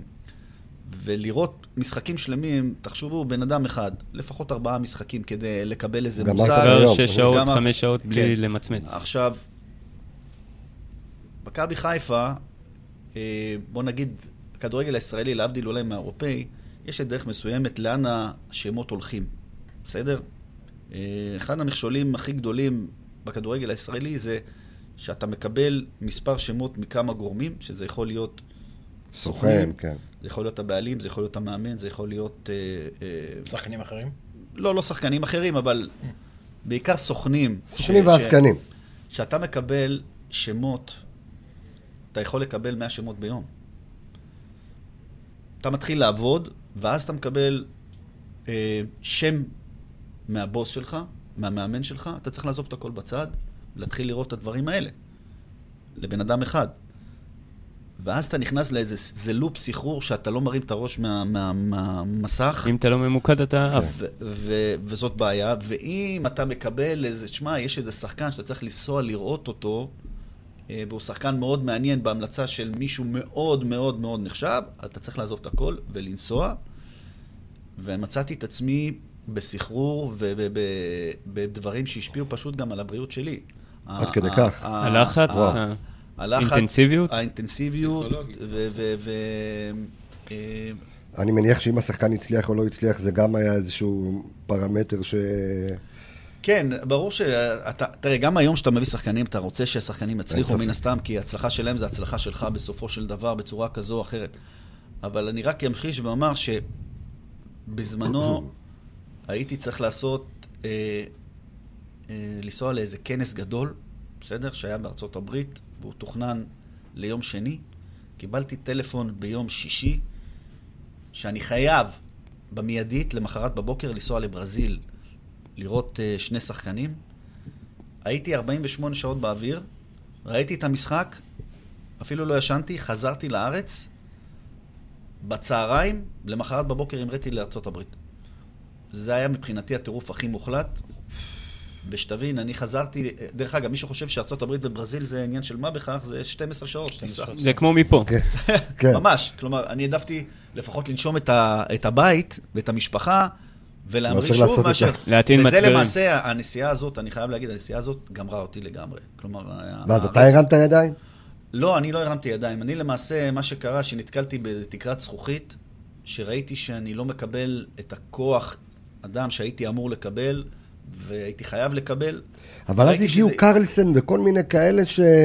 שכביכול דגלו ב... ב... אתה יודע, שמאמינים בדרך הזאת. אבל יכול להיות, יכול להיות שהאנשים האלה, גם אם לא הצליחו, גם אם הם לא הצליחו, פתחו את איזה- הצוהר. את הצוהר אה, לתובנה, לקבל ערך תובנה, אה, אלח. ש, נכון. שצריך צריך, אה, אה, לעשות את הדברים האלה בצורה אחרת. ולשמחתי, בקדנציה הזאת, שנכנסתי בינואר שעבר, אה, לשמחתי הדברים הרבה יותר ממשיים, הרבה יותר מוחשיים, הרבה יותר יעילים. ו- ואין ספק ש, שיש לך כל כך הרבה כאלה שמסננים ועוזרים ויכולים לעשות את אבל, האחרים. אבל אתה יודע מה ועוזרים. מעניין אותי? כי אמ, אחד הדברים שיאנקל'ה רתח עליהם מכעס בתחילת העונה, והוא אמר לי את זה בשיחה אישית, זה המחטף שעשה מוחמד אלח לקובי מיכאלי. הוא השתגע מזה. אה, והוא אמר, זה לא היה יפה, למי שלא, למאזינים שלנו, למי שלא יודע, קובי מיכאלי זה היה אנליסט דאטה של אה, מכבי חיפה, היה כמה שנים טובות, בחור מאוד מוכשר, עבד, עבד יחד, אה, יחד איתך, בחור שקט, צנוע, שעושה את עבודתו הרבה שנים, ומוחמד אלח החליט לקחת אותו לויטסה, ופשוט נתן את ההצעה ישירות לקובי מיכאלי, לא עבר דרך ינקלה שחר. עכשיו, למה אני מספר את כל הדבר הזה מסביב? כי קודם כל ינקלה סיפר לי אישית שהוא רתח מזעם וכך לא עושים דברים. דבר שני, הוא גם מאוד מאוד התפאר בחבר'ה ש, שקיימים, ואז אני אומר לעזאזל, ינקלה בן 77-8, מה לו ולעולם החדשני הזה, או איך מעבירים לו בעצם את, ה, את הרלוונטיות ש, שזה העולם. טוב, אבל כמו שאמרתי לך, אני חוזר עוד פעם צעד אחורה. גם קרלסן וגם אה, מו אהלך, אה, כל אחד... פתחו אה, לו? פתחו לו את הדרך. פתחו לו את ההבנה, יכול להיות שגם אחרים פתחו לו את את אבל- הדרך ההבנה, כי העולם מתקדם בצעדי ענק, והטכנולוגיה הפכה להיות אחד הדברים הכי הכי ממשיים ו- והכרחיים לכל אה, מערכת של סקאוטינג, ובכלל גם לדברים אחרים. והקדמה, אין מה לעשות, אתה לא יכול להישאר מאחורה ולהיות old fashion. אתה יכול להיות old fashion אולי בדברים מסוימים, אבל גם האנשים שמתחת ליאנקלה עוזרים לו להבין שאלה הדברים שצריכים. היום. לך. חסר משהו היום במחלקה? אתה מרגיש שאתה צריך, יש עוד- עוד דברים שאתה עוד רוצה? 20 סקאוטים. לא, לא. לא, לא, אני לא מאמין. דרך אגב, יש יעד של כמות אנשים שרוצים תוך שלוש, חמש, שבע שנים להגיע לא, במחלקה. אני אומר, לא, הוא- אגב, אגב, האם זה, מה שאתה אומר זה, שאתה אומר מאוד, האם זה גם תלוי תוצאות? זאת אומרת, בוא ניקח תרחיש אופטימי שבו כל מה שבעצם נבנה בשנים האחרונות, כל המערך שיש היום, מצליח להביא למכבי חיפה את התואר שכולנו מחכים לו, או הצלחה יותר גדולה בטח מהשנים האחרונות, האם זה מה שאומרים, אוקיי, זה הצליח, עכשיו בואו נרחיב את זה כדי להשיג את היעד הבא. שליטה של כמה שנים בליגה, אולי באמת קפצת אתה מדרגה יודע מה, באירופה. אני, אני, רגע לפני שהוא יענה לזה, אני, אני אקח על זה קצת אחורה, ואני גם רוצה לספר גם לאלון, ולמרות שהוא יושב פה לידי, אבל אני אספר לך איך, זה התחיל בכלל במכבי חיפה. אה, ואני הולך לשנת, אני הולך כמעט עשר שנים אחורה, אה, וזה לתקופת הפ- הפרישה של אה, אלון נגד בורדו. אה, אלישע לוי, מכבי חיפה, אה, זומנה לה, כן, זומנו למכבי חיפה משחקים במוקדמות ה... אטרקטיביים, יש כן, לציין. הליגה, אה, אה, ליגת לא. האלופות, שזה היה, מה היה לנו לפני כן? היה לנו אה, אקטובה, מה היה לפני אקטובה? גלנטור נראה לי. היה, גלנטורן, היה אקטובה, ואז, עם המעשנים. ואז, אה, ואז מיודענו כאן, זוהר, היה טור ב- באתר שלנו שנקרא סקאוט, אני מדבר איתך עשר שנים אחורה, לא היה לאף אחד שמץ של מושג, והוא תמיד היה, ברגע שהיה איזשהו קרב נגד יריבה אירופית, אז הוא היה אומר מי השחקנים, והיינו מתחרפנים, מאיפה לעזאזל הבן אדם יודע עכשיו. בוא תגיד, היה, ב- היה יוטיוב בנגיעה. לא היה, לא היה שום דבר. אה, וזה הגיע לאוזנו של אלישע לוי, ואז אלישע אה, בא אליי ואמר לי, תקשיב, בוא, אם אתה יכול, תכינו לי. אה, ואז ישבנו יחד, והוא עשה את רוב העבודה, אני רק ישבתי, והכנו חוברת ירוקה. אה, לגלנטורן ל- ולאקטובה, וזה עבד, ואז ליגת האלופות, אלישע לוי לא ידע מי ממו. האם אלון זוכר את המחברת הירוקה? לא, לא, הוא היה שחקן, אבל אלישע יושב עם מחברת ירוקה על, על הברכיים ש, שזוהר הכין לו, וככה בתח, בעצם התחיל עולם הסקאוט אה, במכבי חיפה, ולראות את הפער עשר שנים אחרי, איך שזה, איך שזה משתכלל, אני אומר, זה פשוט מדהים, ואני חוזר לשאלה ששאלתי אותך, האם מספיק לך מה שיש היום? עם יד על הלב, ואם אתה רוצה, כאילו, אתה יודע, עוד שינויים, או עוד דברים אה, שכן היית רוצה לראות. תראה, אין ספק שהמערכת שלנו היום היא הרבה יותר יעילה ממה שהייתה. בסדר? אבל משמעית. זה עדיין לא המערכת שצריכה להיות במועדון מאוד מאוד אה, מקצועני כמו מכבי חיפה. עדיין חסרים כמה וכמה דברים. אנחנו, אמרתי לך, אנחנו למדים תוך כדי אה, תנועה. ואין ספק שהכלים שיש לנו היום הם הרבה יותר טובים ממה שהיו פעם. אני יכול רק להגיד שאני נכנסתי לתפקיד, היו כמה אה, תוכנות או כמה דברים שהקפיצו את אה, תקציב מערכת הסקאוטינג בצורה מוגזמת אה, על ידי אה, אהלך שהיה אחראי על זה. אני ויתרתי על הדברים האלה. אה, העדפתי לקחת את, ה, אה, את הכסף הזה אה, שהושקע בתוכנות או בדברים אה, שלטעמי אפשר לעשות אותם בכמעט אפס כסף. אוקיי. אה, והצלחתי לחסוך למועדון כמה עשרות אלפי יורו, ולקחת חלק קטן ו- ו- ולשים אותו במשהו אחר שאני לטעמי צריך. כמו מה למשל? אדם. כמו מה למשל? סתם מעניין. קודם כל, כמו שאמרתי, אה, תוכנות, הייתה תוכנה ש- שעלתה המון המון כסף, שהשתמשו בה, אה, ל- ל- לאגור שמות של שחקנים ושחקנים שבדקו אותם. אוקיי. אני חשבתי שהתוכנה הזאת, אוקיי, היא מביאה איזה, איזה ערך מסוים, אבל אפשר לעשות אותה באפס כסף. ואני יכול להגיד לך שגל שטיינברג, כן. אה, אה, ישבנו אני והוא, וגל אה, הבין שאת הדברים האלו יכול לעשות בעצמו. לבד, בעצמו, וגל בדרך הנכונה. גל בדרך הנכונה לעשות איזו מערכת שתעלה, אמנם היא לא תיתן בדיוק את אותו דבר, אבל היא על אותו עיקרון, שתיתן לנו מענה בכמעט אפס כסף, שזה חיסכון אדיר למערכת. ובדברים האלה אפשר לעבוד, לעשות, לקנות תוכנה משלימה. זאת אומרת, הוא אפשר- בונה איזושהי או אפשר מערכת, להביא עוד. עוד בן אדם, אז אתה אומר, הוא הולך לבנות איזושהי מערכת דאטה פנימית, שהיא תשרת את, ה, את המועדון. את המועדון, דרך אגב, לא רק בבוגרים, אלא גם במחלקת הנוער. מחלקת הנוער, שזה... וזה, וזה חיסכון עצום. עכשיו, אני חייב עוד פעם להגיד שגם אהלך וגם אה, אה, קודמו, אה, קרלסן, קרלסן, כן. שנכנסו לפה, אה, הביאו, או רצו להביא איזה סטנדרט מסוים, לפי דעתי, לא כל כך... אה, אתה יודע, כשאתה מגיע למדינה זרה, אתה צריך לדעת, איך אומרים? את התרבות. את התרבות. נכון. בעמי אני חי, אומרים. כן. ואתה לא יכול, כמו שאתה לא יכול להנחיל שיטה לשחקנים שלא מתאימים לשיטה, אני חושב שפה הייתה הטעות אולי אה, מהבחינה הזאת. בכל מקרה, אנחנו כאילו, מנסים... יש דברים שעדיין מכבי לא הייתה מוכנה אליהם. אני חושב שגם אללה הודה בזה, בריאיון שנעשה איתו לפני כחודש. נכון. הוא- אני חושב שהוא הודה בדיוק בנושא הזה. הוא הבין, הוא הוא אמר, אני לא כל כך הבנתי לאיפה הגעתי, וההתאמות שעשיתי לא התאימו ל- למארג הזה, למארג הישראלי, שהוא שונה- עצמו. שהוא שונה בתכלית. מצד שני, אבל כן, אמרת על צוהר שהם פתחו, וכן הייתי רוצה נקודה לגבי מחלקת הנוער, וזה ההתעקשות של לשחק עם שנתונים אה, יותר אה, צעירים. ששנה שעברה כולם, וואו, איזה עונה נוראית, והקבוצה ניצלה מירידה, למרות ששוב, התארים שם לא באמת רלוונטיים, אבל העונה, אנחנו רואים שחקנים, ואנחנו רואים את הקבוצה מחזיקת הליגה, ואנחנו רואים ילד כמו סתיו נחמני לצורך המקרה, שזה מאוד מאוד מעניין לראות אותו פורח, והוא אה, גיל נערים, אני לא טועה, שנה ראשונה שלו. כן, שנה ראשונה לא. אז אני אבל שואל, מה, מה הקפיצת מדרגה הבאה? מכבי חיפה במשך שנים הייתה מייצרת כוכבים במחלקת הנוער.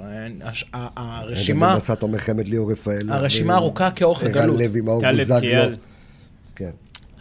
מה, מה השלב הבא היום שמכבי חיפה לוקחת כדי באמת לשלב אותם נכון בקבוצה הבוגרת? כדי שאנחנו נראה לא רק נטע, עופרי ארד, חבשי, יש- אבל נראה את זה כן. באינפלציה. כן, קודם כל, אם ניקח אחורה, אז אתה יודע, לפעמים יש לך שנתונים מוצלחים נכון. יותר, מוצלחים פחות. דור הזהב, אני קורא לזה. זה, זה משהו שאני אומר, ברובד של מכבי חיפה, היא חייבת לייצר כל שנה במחלקת הנוער לפחות שחקן אחד. לפחות שחקן אחד שיהיה משמעותי בתפקיד כזה או אחר. אה, שאתה מתחיל לבנות את הרבדים האלה, אה, ואתה לוקח סתם שניים מכל שנתון, אם ניקח את, את אה, נטע, וניקח את, סתם לדוגמה, חבשי, חבשי חבשי, חבשי פחות או לאותו יותר. שנתון. אה, חמש-שש, שניהם חמש-שש, כן. יש לנו תשעים וחמש-שש, יש לנו אוהד שבע-שמונה. ורז. נכון. אז אלה השנתונים היותר מוצלחים, שאם אתה לוקח ומטמיע שחקנים ואתה אתה מצליח להביא שניים לפחות באותו שנתון ונותן להם את הזמן להתאקלם, אסור לשכוח, הם לא בשנה אחת הפכו להיות פתאום אה, שחקני הרכב, נכון. חלקם היו מושאלים, חלקם ראו הרבה ספסל. אה, חלק גם פחות הצליחו סטייל, נגיד ערן ולבלום אה, זנתי. עוד לא, הם- עוד הם לא, עוד, הם עוד, הם עוד מושאלים. אמורים בוא. נגיד, יש כן. התפתחות, ההתפתחות של שחקנים היא שונה, כל שחקן יש לו את נכון. ההתפתחות שלו בזמן שלו. ויכול להיות שעוד אבל אבל שנה אנחנו ההתפתחות היא נראה... לפי מספר דקות. לפי מספר דקות בגלל. זה, בגלל זה. במקרה הזה השאלנו. כן. יש גם שחקנים שמושאלים, דרך אגב, לליגה שנייה. יש לנו שחקנים שמושאלים לנס ציונה. אנחנו מנסים לפזר את השחקנים האלה כדי שיקבלו דקות משחק. יש עוד שחקנים, דרך אגב, אה, צעירים, כמו שאמרנו, יכול להיות גם שחקנים צעירים זרים, שאולי אה, בשלב כזה או אחר. אולי נחליט שהם יש- הושאלו גם כן. יש, יש כל מיני... אה, בכל מקרה, אני סקוטור חוזר. אני חוזר ל- ל- למחלקת הנוער. נעשה שינוי מאוד מאוד מהותי. הגיע מנהל מקצועי ספרדי, נכון. לואיס, שעושה עבודה נהדרת. מאז שהוא, שהוא הגיע. אה, נוסיף לזה את בני לם, שהוא אישיות בפני עצמה. בני איש מדהים, עושה עבודה, אה, שינה הרבה הרבה אה, במחלקת הנוער, בקבוצת הנוער, סליחה. הוא הגיע גם מוכח, מוכח. הוא הכניס גם את התחרותיות, זה בני לם, מי, בקיצור. מי שראה את בני לם, נכון. הוא חזק בגילאים. בטוברוק, ועוד לפני זה בנתניה. בנתניה. הוא סגנון אחר. סגנון אחר, והסגנון הזה אולי יהיה חסר למכבי חיפה. אה, נוסיף, של- נוסיף, נוסיף לזה את הראייה שלו, אה, גם אולי בהבאת שחקן כזה או אחר שיכול להיות בדיוק מתאים. אה, ואני אומר, ביחד, אנחנו רואים אמנם את קבוצת הנוער, התחילה מצוין את השנה, שחקנים של קבוצת הנוער מתאמנים איתנו בצורה שוטפת, לא מעט שחקנים, ואנחנו רואים איזה סוג של קפיצה.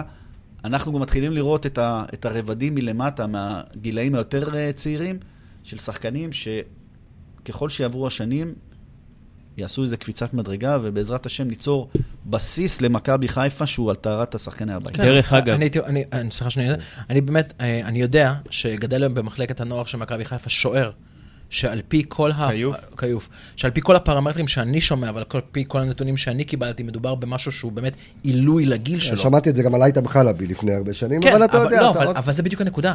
יכול מאוד להיות שבגילאים האלה הם באמת היו אותם אה, הבטחות, אבל המועדון לא ידע לשדרג אותם. עכשיו, אתה אמרת, שחקנים שמושאלים לליגה הלאומית ושחקנים שמושאלים, אני חושב שיש הבדל עצום. כי אנחנו רואים, קודם כל אנחנו רואים את מכבי תל אביב שנה שעברה, הרי כל המודל שהצליח למכבי תל אביב, כל השחקנים שעשו להם את האליפות הכל כך אה, בפער גדול שנה שעברה, היו שחקנים שבאו מקבוצות בליגת העל, כמו... אה, דור פרץ. כמו דור פרץ, כמו אה, גלאזר, כמו... אה, ברסקי. ברסקי. ברסקי בקושי. שיחק, אבל לא נכון. משנה. לא, לא, ברסקי פתח אני- מאוד טוב את העונה בהפועל חיפה, ואז לא, הוא אבל- ירד. אני, אני רוצה חיפה. לתקן אותך, שכל השחקנים, כולל יונתן כהן, שלא הזכרת אותו, שיחקו. בליגה נכון, שנייה. נכון, ביתר תל אביב. הם שיחקו בליגה שנייה בעונה הראשונה שלהם אחרי נכון. קבוצת הנוער. דרך אגב, אה, כשאתה אומר קבוצת הנוער, אה, אתה יודע, היו לפני, אולי גם עכשיו, אני כבר לא, לא כל כך אה, אה, מבין, אה, זוכר את, ה, את המספר, אבל שישה שחקנים over age, כלומר מעבר לגיל, חריגי נכון. גיל. חריגי גיל. חריג גיל למעשה, לטעמי, הוא שחקן שאתה מונע מבעדו לפעמים להתפתח. להתפתח ספק. בבוגרים, אולי ישחק קצת פחות, אבל עדיין לא מקבל את הפיזיות. מצד שני, מעכב את הצעירים שעולים. כלומר, אני חושב שהיה צריך להיות איזה איזון מסוים אה, במדרגה הזאת, משישה לאפס. זה מעשה אולי מה שהיה ב- בעונה שעברה, שעשה נכון, אולי את שעשה הבעיה. היה צריך נכון. להיות משהו הדרגתי, ואני חושב שהשחקנים האלה, שאתה רואה, אם אתה רואה אותם. במשחק הנוער, שקל להם מדי, אז אתה לא מרוויח כלום. אם. קל להם הם מדי, אתה את צריך להגיע התחרותיות. למחשבה בינואר, להגיד, חבר'ה, קל לך מדי, לך תתפתח בבוגרים. ללא ספק. מיליון אחוז. כשאתה שומע. שחקנים כמו ערן ביטון, שם 30 גולים, אבל עוד פעם, ברגע בדיוק. שאתה תקפיץ אותו, יכול להיות שפה, אנחנו לא רוצים. אנחנו חייבים לסיים כי... אה, נגיעה קטנה. עוד פעם אני- עם הנגיעות של... אה. דיברנו על הנוער. אה, איך, האם משתמשים בתוכנות ובכלים האלו גם לגילאים יותר צעירים מהנוער? אין, אין לך את ה... איזה תוכנות? על מה אתה מדבר? כל תוכנות מעקב שיש... לא, אין לך, אה, היום, היום, בוא אני אעשה לך סדר. אין לך היום, אה, אני הולך לפתח תכף תוכנת מעקב על הנוער, אני חייב להגיד לך לכל הליגה, עם אה, חברת אה, דאטה מאוד גדולה ווידאו, אבל היום אין לך תוכנת מעקב סטייל אינסטט לא, או אפילו לשלוח. את עידן יונה לצורך העניין לא, זה לצלם משהו אה, אחר. את הילדים, את הנערים. אז אתה עובד עם תוכנות, כאילו, תוכנות עריכה שאתה בונה לעצמך את המעקב לבד, אני מניח שזה מה שגל מתחיל לעשות.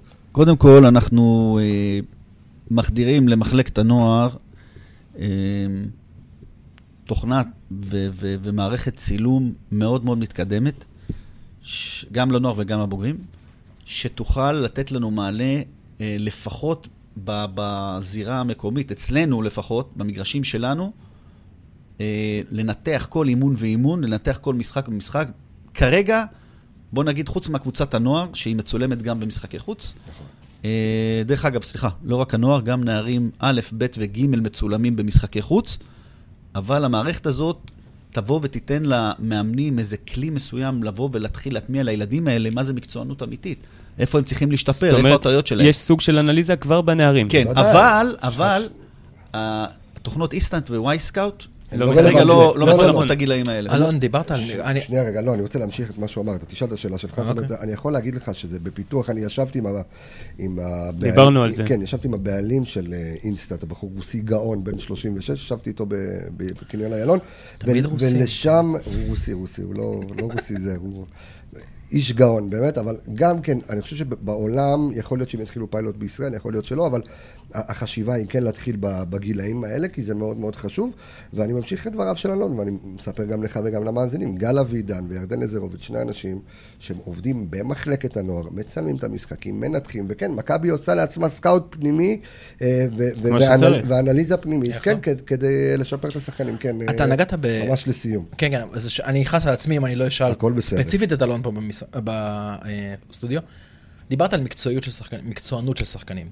ואני אני חייב להגיד, ואני לוקח ככה את מקרה טלב בקיץ הזה כאיזשהו פרמטר. בעיניי נראה ששחקנים ממהרים מאוד לפעמים לצאת מהארץ. לאירופה. נכון, הם מרוויחים שם יותר, ללא ספק.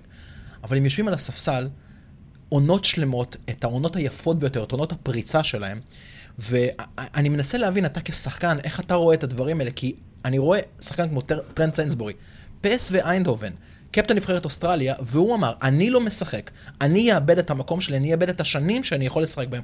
אני יורד, מכבי חיפה זה לא פ.ס.וו איינדהובן, עם כל הכבוד לכולם, אבל אני כן יורד מדרגה בשביל לשחק. ומצד שני, אני רואה שחקנים שמעדיפים לצאת למקומות שבהם הם לא משחקים, זה הורג אותי, הם מפס- מפסידים שנים של החיים שלהם, אני רוצה לראות איך אתה, מה אתה חושב על ה... תראה, אני אה, אומנם לא שיחקתי, לא יצא לי לשחק ב- ב- בקבוצה בחו"ל, למרות שהייתי כבר סגור בקבוצה בחו"ל. איפה? הייתי סגור בזמנו, בגיל 25, ב... היה לי הסכם אה, כמעט סופי עם אדרספילד טאון. הם היו וואלה. בצ'מפיונשיפ, כן. וואו. וואו. הייתי... על איזה שנה מדובר? הייתי בן 25, תחשב לעצמך. 25 זה כמעט 90 אחורה. 93, משהו כזה, לא? ב- 93, 4, 5 אפילו. כן. אחרי האליפות הגדולה אה, בעצם. עד סוכן אוסטרליה זה אנג- קבוצה מדרגה כזה, היא עולה, יורדת, עולה, יורדת, היא קבוצה כן, שמדרגת. היא הייתה בצ'מפיונשיפ. והיה לי הסכם לא חתום. אה, סוכן אנגלי הוציא אותי, אנגלי יהודי, ובזמנו אה, השם שלי פורסם בעיתון המקומי באנגליה. אוקיי. בעיתון, אחד העיתונים הראשיים באנגליה, הוא לא, לא בגדול גדול, אבל פורסם ש... אוקיי. שאדרספילד אה, הולכת עליי, וזה. איזה סוכן אה, מסוים, אה, שאני לא אקוב בשמו. אה, עד היום הוא סוכן, אני מבין.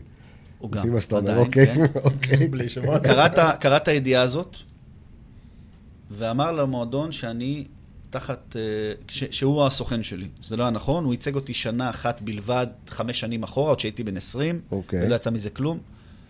אה, באנגליה, מי שלא יודע, שני סוכנים רבים, אין עסקה.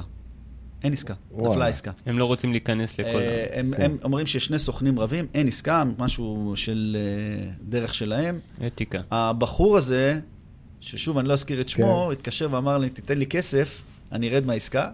אני, יש לי את העקרונות שלי, אמרתי לו. אם, אם, אם אירופה בשבילי יהיה לשחק במכבי חיפה באירופה, אני נשאר באירופה. תשמע, רק בשביל זה היה שווה את הפודקאסט הזה, בשביל הסקופ הזה, אף אחד לא ידע את זה. לא משנה, זה, זו, כבר היסטוריה, אבל... אה, לגבי השאר. דיברנו על אירופה? אם אני יכול לזרוק שאלה אישית. רגע, שנייה, הוא לא. ענה לשאלה שלו, אתה... אה, אוקיי. אני צריך לעשות לך סדרת חינוך. תן לי-. עוד פעם את השאלה. המקצוענות, אה, על טלב, על טלב. באופן כללי המקצוענות של שחקנים שמעדיפים את הספסל ואת הכסף מאשר אשכרה לשחק את השנים כן, היפות כן, שלהם. תראה, יש הרבה שחקנים שמבחינתם לצאת לאירופה זו, אה, זה בוא נגיד. פנטזיה, כן. שקשה לבוא ולהיות במקומם ולהגיד, וואלכ, מה, מה, על מה הם ויתרו, לאן הם הלכו? ראה ערך, סתם לדוגמה, שון וייסמן, שכולם הרימו גבות ואמרו, שמע, איפה הוא הולך? לעזאזל, מה זה הקבוצה הזאת? אז הקבוצה שלו קודם כל עשתה איזה upgrade אה, מסוים, ניצחו והוא עצמו 4-0 עשה... את המובילה. של גרמניה. upgrade אדיר, והיום הוא שחקן, הופך להיות שחקן נבחרת של ההרכב, זה משהו מדהים, ההתפתחות שלו היא פשוט אה, מדהימה. תיאורית, כן. אבל אה, שחקנים, המחשבה שלהם לצאת החוצה זה מין upgrade רוחני, קודם כל, שנותן להם איזה בוסט מסוים לקריירה, ככה הם חושבים לפחות, והם אומרים, במקרה הכי גרוע, אני חוזר. אני חוזר לפה, כולם ירצו אותי, הייתי בחו"ל. ופה לפעמים יש טעות אולי ב, ב, במחשבה להיות, אה, בוא נגיד, להיות שייך או להיות נער פוסטר ולא לשחק בכלל, מאשר להיות שחקן הרכב משמעותי ו- ו- ורלוונטי ל- להרבה דברים. ואתה יודע, קשה לי לבוא ולשים את עצמי, כי שחקן שהרוויח 100 ופתאום מציעים לו 500, בוודאי. אני לא יכול לשים את עצמי במקומו. קריירה קצרה, אתה גם חייב אתה לחשוב על אומר, הדברים צריך האלה. אה, להכות בפטיש, אה, ב- ב- על הברזל כל עוד הוא חם. וזאת אולי המחשבה שלי, לפעמים האגו לא נותן להם לחזור. לא נותן להם אולי אה, להגיד, בוא'נה, תשמע... נכשלתי כביכול. אולי זה השינוי, אגב, אולי זה השינוי שהשחקן הישראלי, לטעמי לפחות, צריך כן לעבור. אולי הוויתור הזה של האגו וההתבססות פעם, בשנים האלה לשחק, יכול לתת לנו, גם כליגה וגם כנבחרת, שחקנים הרבה הרבה יותר, אתה יודע, פעילים. אפשר גם להסתכל על זה מנקודה אחרת, שאולי מה שחשוב זה לא אם לצאת לאירופה או לא, אלא לבחור את? הקבוצה. אם לא קבוצה תחתית בגרמניה, עדיף קבוצה צמרת באוסטריה. או ללכת לליגה שנייה בגרמניה, זה גם בסדר, אין נכון. בעיה, אבל אני אומר עוד פעם, שחקנים מסוימים, בסדר? אני לא אקרב בשמות, לא אוהב לנקוב- כן. לא בשמות. שחקנים מסוימים ביקשו ים של כסף, סכומים מטורפים, שהם לא רלוונטיים למכבי חיפה לכדורגל הישראלי גם לא בכלל. מגיע להם כנראה.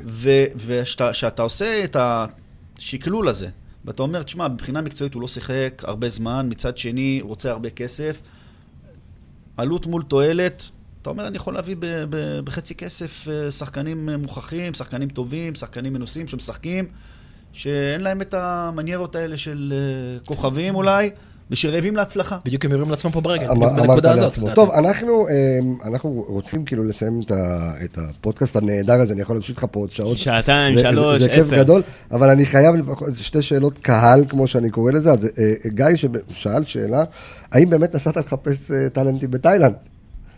היה- לא היה- הייתי בחיים זה- שלי בתאילנד, גם בחופשה. באמת? לא היית בתאילנד. היית אני אומר, מעולם? גיא, לא. הוא לא היה זה בתאילנד. סקופ, זה לכותרת של זה ה... זה. לא הייתי בתאילנד. שלחו, שמכבי תשלח אותך לעשות אה, זה ב- ב- אה, בתאילנד. אתה צריך לבדוק אם אתה מפחד ואני שם שחקן או שחקנית. אני, אני יודע שאנחנו יודעים את התשובה, אבל כן ל- אה, למאזינים שלנו, ששואלים למה לקח הקיץ הזה הרבה זמן להחתים את הזרים שלה. כי אתה ראית את- החנק שעל האוהדים ומחאות ועניינים, ופתאום בום בום, שרי, ווילדסחוט, אה, אתה יודע. סיינסבורי. תשמע, פוקס. תשמע, אה, הוא אמר פוקס ועושה את זה חזק מדי. כן. בינואר, בינואר אה, שעבר, שנכנסנו לתפקיד, גם מרקו וגם אני, בהמשך, לא רצינו לטעות. אני אומר לכם הכי גלוי, לא רצינו לטעות. רצינו לעשות את הדברים לא מהר, תוך כדי תנועה, כמו שאמרתי, ולבוא ולטעות כמה שפחות, כי טעויות ליוו את המועדון הזה הרבה שנים בשנים האחרונות, והמון המון טעויות שעלו מלא מלא כסף לבוס. וכשאתה מגיע למכבי חיפה, תשמע, יש כאלה שהיו, באו מבחוץ, אולי זה לא דיבר אליהם, הטעויות כן. לכאן או לכאן. יש טעויות, תמיד יהיו טעויות, אנחנו לא שומעים, דרך אגב, על הטעויות של המועדונים הגדולים, שהם מחתימים עשרות שחקנים זרים, ושם ב- באירופה מותר לך הרי כמעט unlimited. להביא, אין לך מגבלה. ואם הם מביאים אה, אה, עשרה שחקנים, והם פגעו בשניים, השניים משחקים, העשרה בכלל מושאלים, אף אחד לא יודע, פה אנחנו יודעים הכל. אנחנו לא רצינו לטעות. ולקחנו את ה, את ה... כמו שאמרתי, השיקול הזה שאירופה היא לא בראש מעיינינו, רצינו לעשות עבודה מאוד מאוד יסודית. לפעמים יכול להיות שהתמהמהנו בצורה כזו או אחרת, ושחקנים, אה, אה, אתה יודע, החלון, החלון לפעמים הוא 48 שעות של הזדמנות של שחקן כזה או אחר נכון. להגיע. אני יכול להגיד לך ששני שחקנים שהיינו כבר כמעט סגורים איתם, למעשה הגענו להסכמים, אה, המשפחה לא רצתה לבוא לישראל. מה לעשות, אנחנו עדיין לא כאלה סקסים אה, מבחינת השחקנים הזרים. הלוקיישן שלנו... אה, ואז זה, ואז זה גרם לנו אה, לעיכוב מסוים, בתפקידים מסוימים. אה, אני יכול להגיד לך שבסופו של דבר, קבלת ההחלטות נעשית על ידי כמה וכמה גורמים. עשינו סינון באמת באמת קפדני. יסודי, קפדני. להגיד לך שזה 100% פגיעה, ממש לא. יכול להיות שעשינו, ואנחנו נראה תוך כדי תנועה, שעשינו אולי טעות עם שחקן כזה או אחר, אולי שחקן, כמו שאמרנו, כזה או אחר, נשאיל אותו ונפתח איזה מקום אחר. יש לנו הרבה הרבה דברים אה, ש, שעדיין אנחנו צריכים להשתפר, ואנחנו עדיין לומדים, אה, כמו שאמרתי, תוך כדי תנועה, אבל זה לא עניין של ללחוץ על מתג ולהביא שחקן, זה ממש לא ככה. אתם יודעים, אתה, אתה, אתה קצת מבין, השחקן, נכון. כל האנשים פה יודעים בפאנל מה זה לפגוע בול בשחקן, מה זה להביא. שחקן. מלא שמות, הצעות, לחץ על, של, של סוכנים, שאתם, ת- מי שנכנס, מי שבפנים, יודע כמה זה לא פשוט להביא אז שחקן. לא, אנחנו גם הסברנו להם, אם אתם זוכרים, גם ב, ב, אה, בתוכנית הראשונה שלנו, שלקחנו את היתרון של שרי, שהוא איש משפחה, שזה חלק מהפרמטר. ושבודקים אם השחקן חוגג גולים לבד, אם הוא חוגג... בקיצור, זה עולם קסום ושלם של, של דאטה ונתונים. וכולנו אוהבים את זה. ואני חושב ש... מה, אתה, יש לך איזה שאלה לבאזר, כי אנחנו חייבים לסיים כן, איתו, כן. כן? אה, אם כבר טוב. התייחסנו לנושא הזה, אז אה, לא לא הלחיץ אותך, כאילו, שזה חיכינו לרגע האחרון, כאילו, שרי הגיע וסיינסברי. אני משווה את זה כמו לפוקר, שחיכיתם כאילו לקלף שיגיע ולטרוף את הקלפים. לא, לא. מה היה קורה כאילו אם... תראה, כמו שאמרתי, לא. כמו שאמרתי בהתחלת הדברים, יש כל, את ההכנה לקראת, אה, אה, כן, מועד העברות. אנחנו למעשה, כבר השמות, חלק מהשמות היו לנו כבר באפריל שעבר, בסדר? אבל יש כל כך הרבה דברים שאתה צריך, אה, כמו שאמרתי, פרמטרים שגורמים אם שחקן יבוא או לא יבוא, זה יכול להיות השחקן. המאמן של אותו שחקן בקבוצה ההיא, הבעלים של הקבוצה ההיא שרוצה פתאום ים של כסף, אה, הבעלים של המועדון הזה שלא מוכן, שלנו, אולי שלא מוכן להוציא את, את הכמות שהשחקן רוצה, ואתה צריך שהמאמן שלך ירצה את השחקן. יש כל כך הרבה פרמטרים בדרך, שלפעמים דברים נופלים בדרך. עכשיו אני חייב להגיד לך, היה לחץ, אבל אני יכול להגיד לך שאישית לא הייתי לחוץ בכלל. כי חוץ ממועד העברות, לחץ כן, זמן.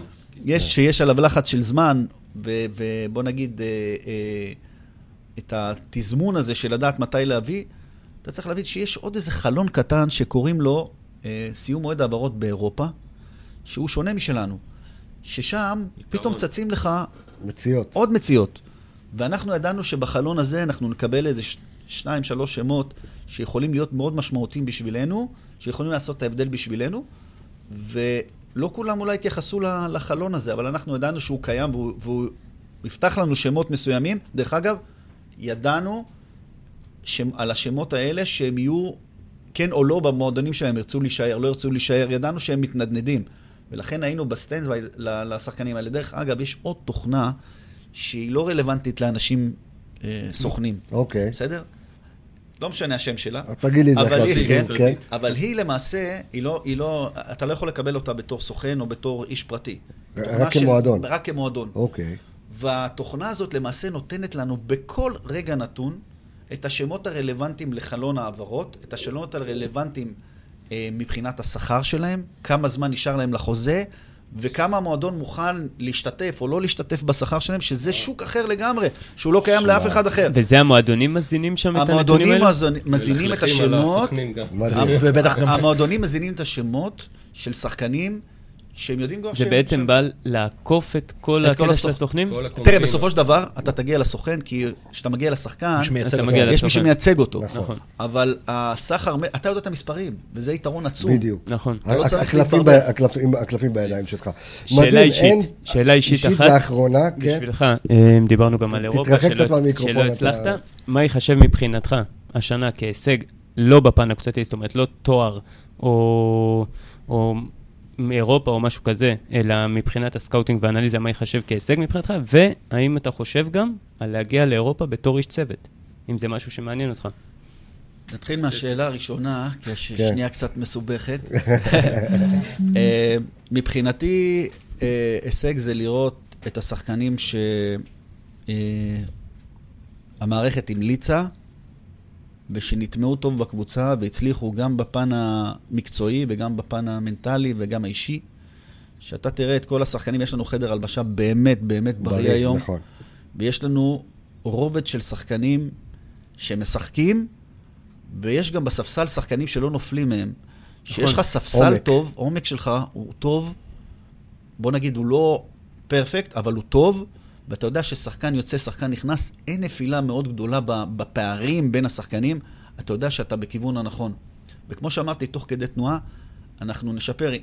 אני יודע שזה קצת מפריע לי, אני חייב אוקיי. לומר. הכותרות אחרי ניצחון והפסד הן כל כך. כל כך דרמטיות קרוסלה. פה, נכון. שאני אני לפעמים מסתכל מהצד וזה זה קצת מצחיק אותי, כאילו, איך אפשר בשבוע אחד להכתיר, בשבוע אחד להוריד, ושבוע אחרי זה עוד פעם להרים?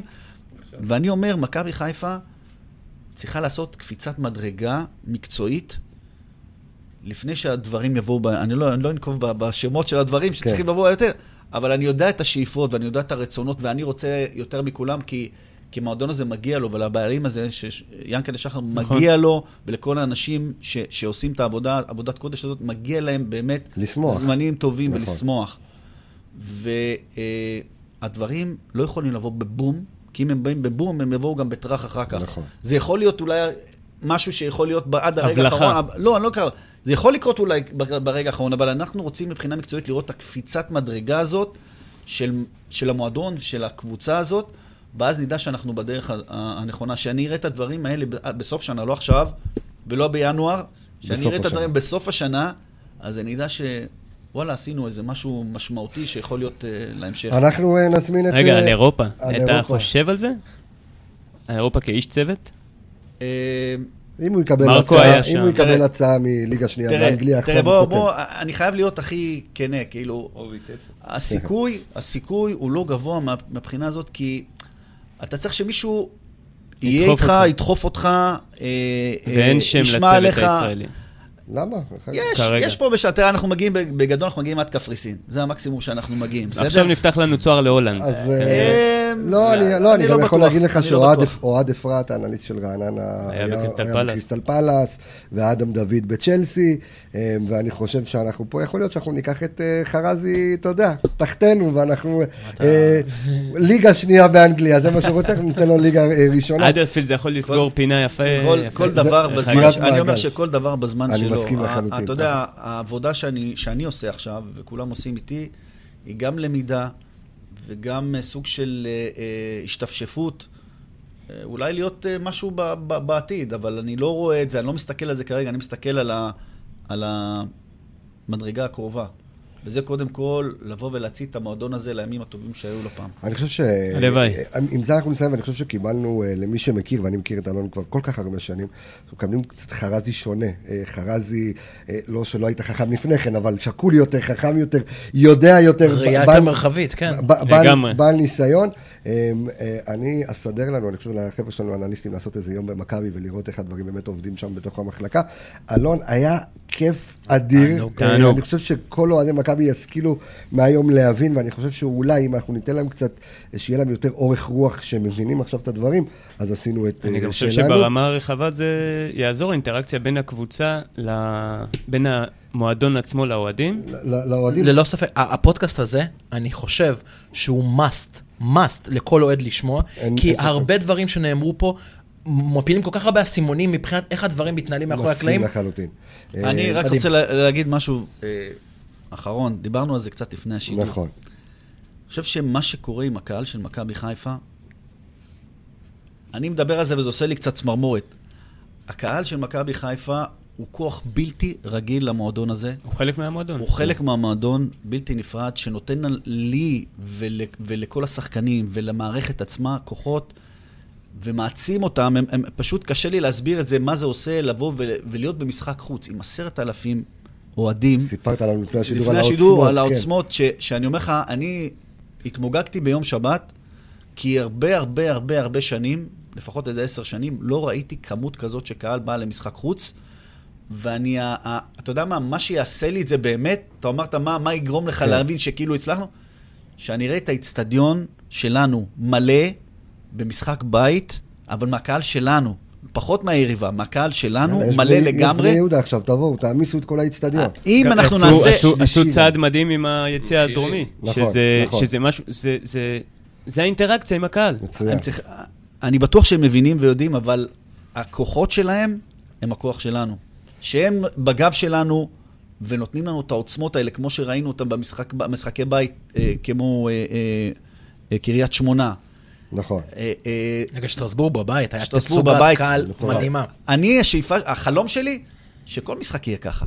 יאללה. ואז נדע שאנחנו נכונה. תקשיבו את זה לאלון, אלון, תודה ענקית שבאת, שיהיה לך גמר חתימה טובה, אנחנו ככה, אנחנו יום אחרי יום כיפור, חברים, סמי, אלכס, תודה אה, זוהר. גם ללירון, תודה חברים, אנחנו נתראה בשבוע. הבא בפרק הבא, להתראות.